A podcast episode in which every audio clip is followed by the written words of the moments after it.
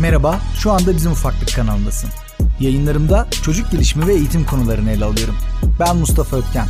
Öğretmen, yönetici ve şirket kurucusu olduktan sonra Mira ile dünyayı yeniden keşfediyor, tecrübelerimi seninle paylaşıyorum.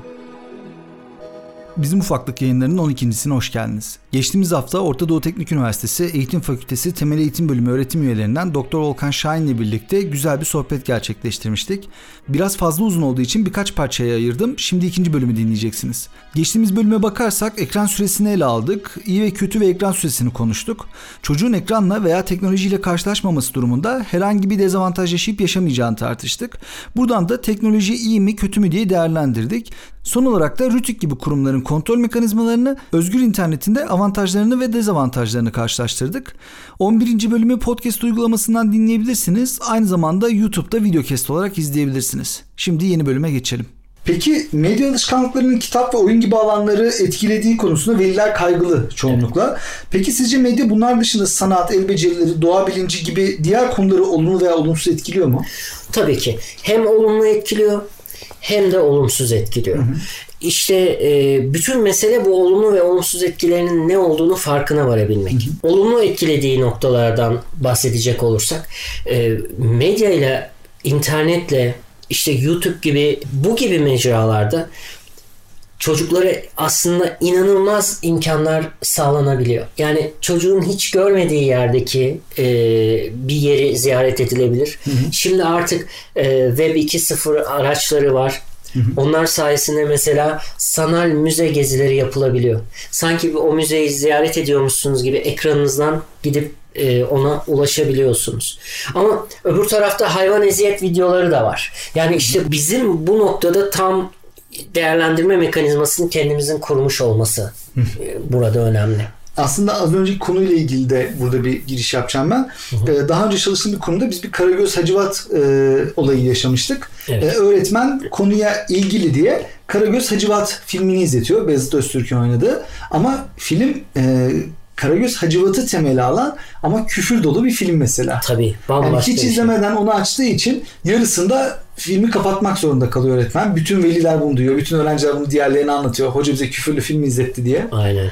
Yani Aynen. aslında az önce söylediğiniz gibi işte e, bu sonuçta e, Rütük veya X veya Y filtresinden ziyade bizim filtremizden geçmesi gerekiyor. O noktada da zaten aslında çocukların farklı becerilerine faydası olduğu gibi zarar da olabiliyor. Yani evet. biz kültürümüzü öğretelim derken küfür öğretiyoruz bu sefer evet. çocuğa. İşte bu noktada medya okuryazarlığı dediğimiz şeyin aslında önemini e, biraz daha kavrayabiliyoruz. Çünkü medya okuryazarı olan bir veli, bir öğretmen şunu bilir. Medya yanıltıcıdır. Medya mesajları göründüğü gibi değildir. Hı hı. Mesela bu e, bu mentaliteyi edinmiş olan, bu kazanımı edinmiş olan bir eğitimci, bir veli bu hatalara düşmeden e, daha önceden ön seyretme yapması gerektiğini bilir. Medya okur yazarlığı derken de ben tam olarak bunu bahsediyorum. Yoksa işte medya şöyle kötüdür, böyle kötüdürün dışında biraz daha e, yüksek e, düşünce becerileri gerektiren, kritik düşünce becerileri gerektiren medyayı o şekilde analiz etmeyi anlay öğrenebilmek, anlatabilmek. Peki oradan hemen şunu sorayım. Öğretmenlerimizin bir sonraki soruda öğre, e, velilerimizin olacak. Ee, öğretmenlerimizin medya okur yazarlığı seviyesini yeterli buluyor musunuz? İnanılmaz yetersiz buluyorum. Bu konuda e, çok büyük çalışmalar yapılması gerektiğine inanıyorum. Özellikle erken çocukluk eğitimi eğitimcileri. E, özellikle okul öncesi öğretmenleri, sadece Türkiye'de değil dünyada da medya ve teknolojiye karşı en fazla direnç gösteren, en fazla bu konuyu uzak tutmaya çalışan e, grup olarak biliniyor. Ama aslında da yapmamız gereken şey bunun tam tersi olması lazım. Hı hı. Her bir e, erken çocukluk eğitimcisinin e, bir medya okuryazarı olması şart olmalı. Hı hı.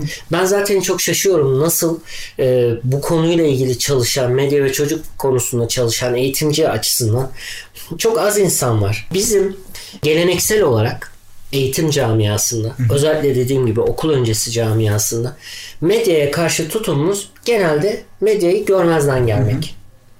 Yokmuş Görmezden, gibi davranınca yokmuş gibi, yokmuş gibi oluyor çünkü. İşte sen sınıfında yokmuş gibi davranınca medya ve o medya ürünlerinin bu çocuğun üzerindeki etkisi bir yere gidiyor mu? Hayır. Aslında daha kötü oluyor. Kesinlikle. Çünkü savunmasız yakalanıyor. Tabii yani mesela Power Rangers tişörtüyle sınıfa gelen bir öğrenci e, öğretmen ya hiç bir şey görmemiş gibi davranır veyahut da işte annesine bu kıyafetle göndermeyin falan filan der ki o da aslına bakarsanız nadir bir konu. Halbuki tam tersini öğretmen bunu bir öğrenme fırsatı e, şeyine dönüştürebilir. Burada sadece dediğim gibi hani bilişsel çocuklara renkleri, sayıları, rakamları, şunları bunları öğretmenin yanı sıra e, çocuklara aslında kritik düşünme becerileri, e, değerlendirme, medya analizi becerileri bu sadece bu örnek üzerinden pek çok şey yapılabilir. Mesela o öğren o çocuğu yanına çağırsa neden bunu giyiyorsun? Bunlar kim? Bunlar ne yapıyorlar? Hadi şimdi bir de arkadaşlarını anlat. Bu kahramanlar hakkında bize bilgi ver. O işte şöyle vurur, böyle vurur. Ondan sonra aa Neden Niye vuruyor? vuruyor? Biz arkadaşlarımıza vuruyor muyuz? Neden böyle bir şeyi o zaman seyrediyorsun? Yani bu sadece dediğim gibi kafadan hani e, yani bir öğretmenin oturup da sınıfındaki çocukların hangi medya e, ürünlerini tükettiği, hangi çizgi filmlerini seyrettiği en azından bunu bilmesi gerekiyor.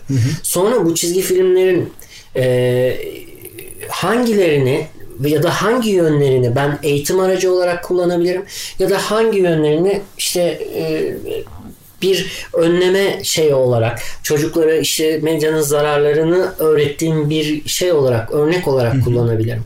Aslında bunlar ilgili çok şeyler yapılması lazım. Bir şey gösterecektim onu da Mesela şöyle bizim e, öğrencilerimizle, lisans öğrencilerimizle hazırladığımız, bunların ödevi olarak hazırlattığım bir şey. Bunlar öğretmen adayları. Okul öncesi eğitimi için çizgi film temelinde oluşturulmuş öğretim aktiviteleri. Burada Nilo'ya yine e, popüler bir çizgi fi- film olan Nilo'ya'yı ele aldık. Burada e, herhangi bir kavramın mesela okul öncesi e, müfredatında bulunan herhangi bir kavramın Nilo'ya çizgi filmi konseptinde nasıl öğretebiliriz? Çünkü şimdi düşünün e, bir e, öğretim aktivitesi sırasında öğretmenin yapması gereken şeylerden bir tanesi o aktiviteye çocukların ilgisini çekmek. Tabii. Mesela. En başta. En başta. Ama zaten Nilo'ya çizgi filmini seyreden bir grupla çalıştığınızı düşünün. Yani bakın nasıl yakınlık kuruyorsunuz. Yani böyle bir aktiviteyle öğretmenlerimiz oturup hazırlasalar mesela çok daha iyisini hazırlayabilirler. Çünkü konuyla ilgili e, şeyleri çok daha fazla. Ama biz bu, bu şekilde bir şeyler yaptık. Yani e, şeylerimizle beraber, öğrencilerimizle beraber burada 5-6 tane aktivite hazırladılar. Mesela sonbahar konusunu nasıl e, öğretilebilir? E, burada şeye bakıyoruz. Niloya'nın 28. bölümü Sarı Yapraklar isimli bölümü kullanılarak mesela bu aktivite yapılabilirmiş. Konu buradan başlatılabilir. Buraya bağlanabilir. Buraya bağlanabilir. Yine e, öncesinde bu e, bölüm seyredilip ondan sonra şey yapılabilir. Sadece çocuklarla bu bölüm üzerine, Nilo'ya karakteri üzerine, Nilo'ya'nın arkadaşları üzerine yapacağınız bir tartışma bile o çocukların aslında çok daha e, kafasında kalıcı şeylerin öğretilmesini sağlayabilir. Ya zaten aslında eğitimde de hep deriz ya hocam. e, gerçek hayatla bağlantı kurma, çocuğun yakınından başlama, yakından uzağa gitme. Sonuçta Aynen. dediğiniz gibi bu çocuk bu e, Nilo'yu izliyorsa çocukların çoğunluğu orada aslında bize bir pencere açmış. Ben de aslında hani yöneticilik yaptığım yıllarda da bunu çok yaşadım. Öğretmenim istiyor ki çocuk evde de hiçbir şekilde televizyon izlemesin, okulda da izlemesin. Hani Evet. okulda bunu sağlayabildiğini düşünüyor. Derste sürekli sürekli sürekli bir şeyler anlatar. Ama evde böyle bir şey yok. Tabii. Ama bunu yok varsayıp ondan sonra da aslında e, sunabileceği eğitim ortamını aslında sunabileceği eğitim e, imkanlarını da göz göz önünden uzaklaştırıyor. Aynen öyle işte e, be- benim de her zaman yani e, savunduğum şey bu. Islanmayın diye çalışmayın onun yerine yüzmeyi öğrenin de- Evet. dememdeki kasıt da her zaman buydu. Hı, çok güzel. Şimdi çocukların çocuklar için bir öğretmen için bunlar sadece çizgi film şu bu olabilir. Ama çocuklar için bunlar gerçek. Evet. 7 yaşına kadar çocuklar biliyorsunuz işlem öncesi dediğimiz bilişsel olarak işlem öncesi dönemde yer alıyorlar. Bu dönemde gerçekle hayal ürünü arasında ayrım yapmaları gerçekten zor. Dolayısıyla onlar için bir çizgi film karakteri kendi ailelerinden biriymiş gibi olabilir. E tamam neden bu potansiyeli kullanmıyoruz o zaman? Neden onun sayesinde birine öğretmiyoruz? Bu karakter olumsuz bir davranış sergiliyor olabilir veyahut da genelinde olumsuz bir karakter olabilir. E, bu da güzel. Onun sayesinde gösterelim. Olumsuz davranış nasıl oluyor? Onun sayesinde Tabii biz ne kadar izleme bunu yapmayacaksın, şunu yapmayacaksın dersek aslında çocuğa e, daha fazla merak uyandırıyoruz.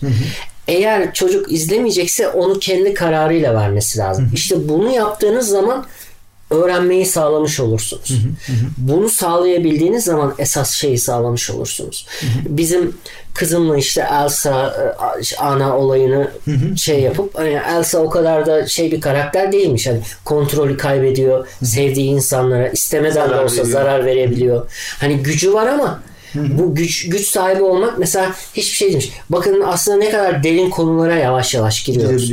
Burada sadece o çizgi film üzerinden konuşarak. Ama öteki tarafta işte e, Elsa diye bir karakter var. Yani ben bunu genel öğretmen ve genel veli e, diyaloğundan çevirdiğimde şöyle oluyor. Elsa diye bir karakter varmış. Çocuklar ona hasta. E, bütün gün işte onun kıyafetlerini giymek istiyorlar. Onun bardaklarını kullanmak istiyorlar. Evet. Ne kadar kötü bir şey. Ya kötü tamam ama bitti. Evet. Burada tıkandık aslında. Evet. Sizin dediğiniz ver, verdiğiniz örnekte işte bu ne kadar kötü bir şeyi çocuğun aslında hissedip sonra hmm, demek ki benim bunu tüketmem gerekmiyor ya da tüketmemem gerekiyor. E, Aynen. ortaya çıkarabiliyoruz. E, medyanın özellikle reklamların mesela bizim incelediğimiz şeylerden bir tanesi de bu. Çocuklar reklamın satış e, amacı olduğunu anlayamıyorlar. Tabii ki özellikle küçük yaştaki çocuklar 3-4 yaşındaki çocuklar için reklam programın bir devamı. Hı hı hı. Onun için mesela bazı ülkelerde mesela Amerika Birleşik Devletleri'nden buna örnek verebilirim. Hı hı. Bir e, televizyon programında o televizyon pro- arasında o televizyon programının e, kahramanlarından, karakterlerinden oluşan karakterlerin reklam yapması yasak. Hı. Yani işte atıyorum Nilo'ya e, çizgi film içerisinde Nilo'ya oyuncakları, Nilo'ya yemekleri, hı hı. işte e, Nilo'ya şeyli çıkartmalı dondurmaların satılması kesin yasak. Hı hı hı. İşte bunu anlay ama bunu bizim daha iyi şey yapabilmemiz için gerçekten çocuklarla oturup konuşmamız gerekiyor. Olayı masaya yatırmamız gerekiyor. Nasıl e, normalde bir konuyu öğretirken işte e, farklı örneklerden yararlanıyoruz, farklı materyallerden, farklı şeylerden yararlanıyoruz. Medya ile ilgili konuları da öğretirken en iyi medya örneklerinden yararlanabiliriz. Yani çocuğum izleme, yazık demek gerçekten çocuklar için hiçbir şey ifade etmiyor. Evet. Mesela öğret eğitimci e, arkadaştan örnek verdiniz. Mesela e, bilmiyorum ama ilk öğretim düzeyinde bile olsa hı hı. teneffüse gittiği zaman çocuklar nelerden konuşuyor zannediyorsunuz? Hı hı. Yani hı hı. sınıfta belki onu konuşmuyor olabilir. Ama evet. daha çıkar çıkmaz ya şunu seyrettin mi? Bunu seyrettin mi? Evet. Bak benim telefonumda şu var. Senin telefonunda var. Çocuklar bunlarla e, büyüyorlar. Bunlarla şey yapıyorlar. Hı hı. E, bir özel okulda ilk çalışmaya başladığım dönemde bu mavi kapak toplama e, kampanyası o zamanlar evet. çok meşhurdu. Evet. İşte bütün okuldaki çocuklar da bunu toplamaya çalışıyor. Bir e, öğretmenler de buna destek olmaya çalışıyor. E, ben farklı bir yol izlemeye çalıştım ve bir anda böyle milletin işte bir dönemdir topladığı kapaktan fazlasını biz birkaç haftada topladık. Aslında kullandığım yöntem çok basitti. E, iki tane e, beş tek damacana koydum sınıfın içine ve yazdım oraya işte şeydi. Bir tarafa o zamanlar Justin Bieber'cılarla e, One Direction'cılar vardı. Ha. Justin Bieber e, iyidir diyenler, One Direction iyidir diyenler diye. Çocuklar bu sefer evden oradan buradan kapak alıp oraya kapak atmaya başladılar. Evet. Yani bunu ben işte e, biliyorum ki o noktada Justin Bieber tek başına bir benim eğitim materyalim olamaz. Çocukların da çok dinlemesini çok seveceğim bir yani kişi değil aslında. One Direction keza öyle. Hani dinlemesinler diye bir şey yok. Ama neden başkaları olmasın? Neden bu kadar fan olsunlar, fanatik olsunlar? Evet. Ama bu noktada işte ben bunu kullanıp çocukların aslında biraz daha e, doğaya faydalı olabileceği, biraz daha böyle işe espri, espri açısından bakabileceği, karşı tarafı da kabul edebileceği bir yöntem izledim ve sonuçta hani her açıdan başarılı oldu proje. Evet. İşte yani bizim istediğimiz, benim istediğim şey de hani öğretmenlerin e, bu şekilde bakmaları hı hı, olaya. Hı. Yani medyayı yasaklayarak seyretmeyin bu ayıp işte günah ya da şu bu diyerek bir yere varamayız. Evet. Şu çocuğun kafasına yatmadığı sürece o sadece zorlamada kalır ve çocuk siz arkanızı döndüğünüz anda ona mutlaka bir Bakacak. yapacaktır. Çünkü olayı daha fazla merak e, öğesi haline getiriyoruz. Yani kafamızı aslında kuma gömerek bir yere ulaşamıyoruz. Tam maalesef. e, çocuklara zarar veriyoruz aslında. Çünkü e, bu bu erken çocuklukla ilgili bütün konularla şeydir. Mesela biz e, velilere çocuğunuzu e, cinsel taciz ve istismardan korumanın en en etkili yöntemi nedir? Evinde güvenli bölge oluşturacaksın. Evet. Çocuğun sana her şeyi gelip anlatabilecek. Çünkü eğer sen bu cinsel konulara o ayıp, tabu bilmem ne gözüyle bakarsan yarın bir gün çocuğunun başına bir şey geldiği zaman gelip Konuşamaz. seninle konuşamaz, anlatamaz. Tam tersine halbuki bu konuyu çok açık konuşup çok e, şey yapıp ve çocuğunun sana bir şeyleri söyleyebilecek şeye gelmesi lazım. Yani öyle ki çocuğun belki uygunsuz bir materyal seyrettiği zaman şeyde bundan rahatsız olup kendisi gelip ya anne ben şöyle bir şey seyrettim. Ee, ya da baba ben şöyle bir şey seyrettim. Hani bu beni korkuttu ya da ürküttü ya da midemi bulandırdı. Belki hoşuma gitti. Belki ama, de hoşuna gitti ama, ama bir konuşalım. Ee, işte bu zaman bunun önlemi alınır. Yoksa çocuklar merdiven altlarında şurada burada gizli gizli bir şeyler seyrettiği zaman bunun önlemini İşten alamayız. İşten geçmiş olur. Ya kaldı ki hani çocuk aslında dediğiniz gibi bu eğitimi aldığında bizden e, hani anne babadan veya eğitimciden e, başına gelenin de farkında olur. Öteki türlü çoğu zaman aslında başına gelenin ne olduğunu bilmeden onu izliyor veya birinden istismar gördüğünde bunun ne olduğunu bilmiyor. Sonra biriyle paylaştığında bunun kötü bir şey olduğunu öğrendiğinde de sonra kimseyle paylaşamıyor ve bu böyle bir döngü gibi gidebiliyor aslında bir yerden sonra. Aynen. Yani benzer konuyu medyaya da getirirsek hani e, annenin babanın onu izlemeyeceksin bilmem ne yapmayacaksın dediği bir materyali özellikle yaşı biraz daha büyük çocuklar hani ilkokul çağından itibaren yani o çocuğun teneffüste ne seyrettiğini bilemezsiniz. Mobil te- yani ne kadar telefonunu saklasanız da bu sefer saatlerde e, çıkan oluyor. E, kendi mesela devletin dağıttığı tabletleri bir şekilde modifiye edip kendi açan, internete açan, kısıtlarını kaldıran öğrencilerimiz var. Yani bu içerik ne zaman sizin çocuğunuza gelecek, ne zaman vuracak bunu asla bilemeyiz. Ama çocuğumuzu işte eğitebiliriz. Yani şunu gördüğün zaman bu ne demektir? Yani bir arkadaşın sana bir şey gösterdiği zaman ekrandan ne söylemen gerekiyor? Gelip bizimle konuşman gerekiyor. Seyrettiğin bir şey hoşuna gitmezse, işte mideni bulandırırsa ya da sana korkunç gelirse bunları gelip bizimle konuşman gerekiyor. Beraberce bunu tartışabiliriz. Bu gördüğün nedir? Niye bu şekilde olmuştur?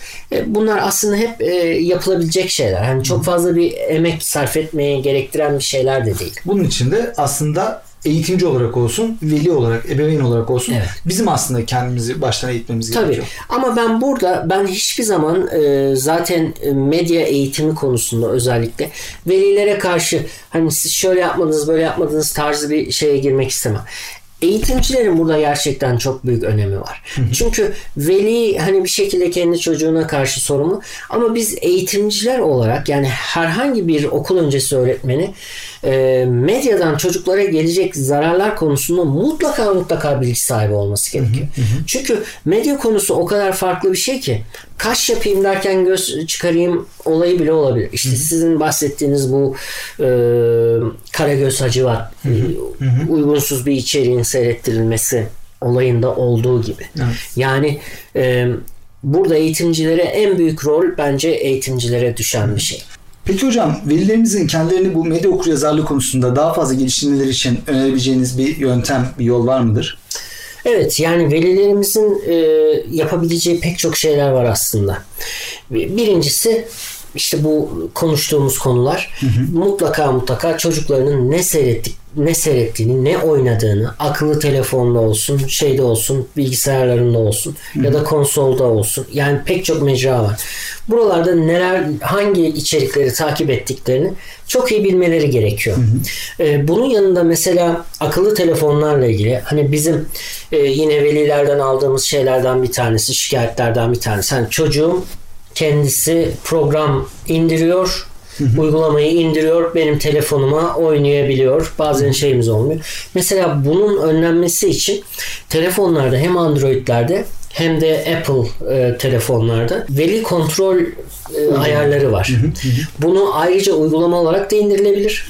Ya da telefonun kendi veli kontrol ayarları da e, şey yapılabilir. Mesela bunu öğrenmek bile başlı başına bir e, medya okuryazarlığına, teknoloji okuryazarlığına bir adımdır.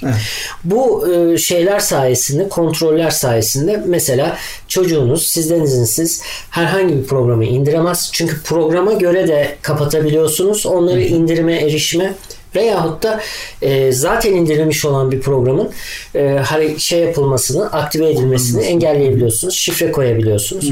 Mesela veliler bunu bilebilirler. Yine çocukların indirdiği programlara e, çok dikkatli bakılması lazım. E, şöyle piyasada şöyle bir şeyimiz var. Eğitimsel diye lanse edilen oyunların ya da programların, uygulamaların çoğu da aslında eğitimsel oyunlar değil.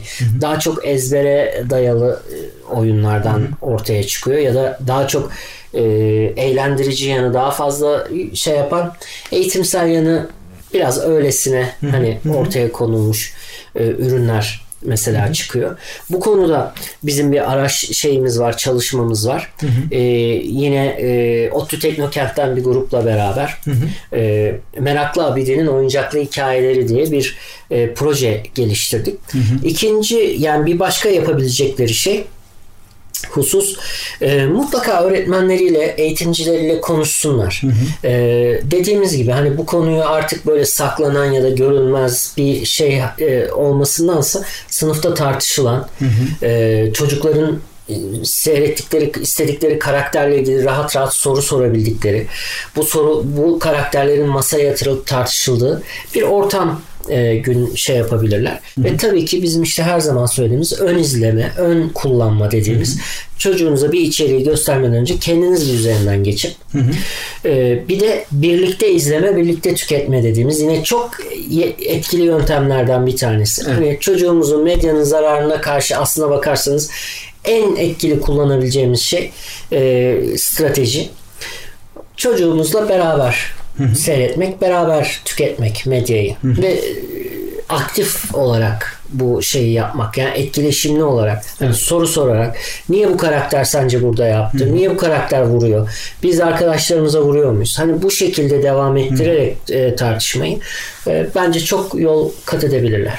Bir başka husus daha e, mutlaka mutlaka Mesela çocuğun e, özellikle erken çocukluk döneminde yani 7-8 yaşına kadar çocuğun yatak odasında herhangi bir medya aygıtı olmaması çok daha mantıklı. Yani kendi televizyonu veya Tabii. kendi telefonu, Kendi tableti. telefonu, tableti yatak odasında olmaması lazım. Ee, uyku problemleri yine velilerin en çok şikayet ettiği Evet. şeylerden bir tanesi. Mesela uyku problemi e, özellikle yoğun medya kullanan, telefon, tableti yani oyun oynayan, işte çizgi film seyreden çocuklarda çok görülen bir şey. Özellikle yatma saatine yakın e, medya şeylerinin tüketilmesi, çizgi film olsun, işte oyun olsun. Bu çocukları e, gelen bir durum aslında. Çocuklar aslında aslında, uyaran. harekete geçirip uyarılan bir durum. Dolayısıyla bu uyarılan e, şeyden e, kısımdan birdenbire çocuğun gidip rahatlamasını, yatmasını, uyumasını bekleyemeyiz. Mesela onun için biz velilere diyoruz ki yapabiliyorsanız 2 saat önce ama yapamıyorsanız da en az 1 saat önce artık evde uyku düzenine geçilmesi lazım. E, medya araçları kapatılır. Hafif bir müzik açılır. E, ışıklar ona göre indirilir. E, belki bir kitap açılır, okunmaya başlanır. Yani çocuk uyku moduna hazır hale getirilebilir. Evet. Şimdi siz çocuk böyle hırsla oyun oynarken hadi yatma Yat. saatin geldi kalk yat derseniz ne kadar başarılı olacak sizce? Tepkiyle karşılaşacak. Tabii ki tepkiyle karşılaşacak. O çocuk uyumayacak. Uyumamak için de elinden geleni yapacaktır. Çünkü çocuğun e, yaptığı ve heyecanla ve büyük bir hevesle üzerine eğilmiş olduğu bir şeyi bir anda kesiyorsunuz. Yani bunun e, işte sağlıklı olmaması ya da çocuğa zararlı olması o onu bilemez, şey yapamaz. Yani onu o şekilde değerlendirmeyecektir. Kaldık ki hani çocuk bile unutmuyor. Yani aklı orada uyuyamayacak. İşin kötüsü Evet. e, uyudu bir şekilde uyudu. Geç oldu uyudu. Gece uyanıyor bu sefer E, tabii çocuklar. ki. Yani Tabii ki. onun etkisiyle çünkü uykudan hemen önce tükettiği şey bir medya e, şeyi olduğu için, içeriği olduğu için yani dediğiniz gibi bu televizyonda da olabilir, telefonda veya bilgisayarda da olabilir. E, çocuk bununla ilgili kabus görebiliyor ve bu sefer uyku saatinin dışında bir de uyku düzeni de bozuluyor. Evet.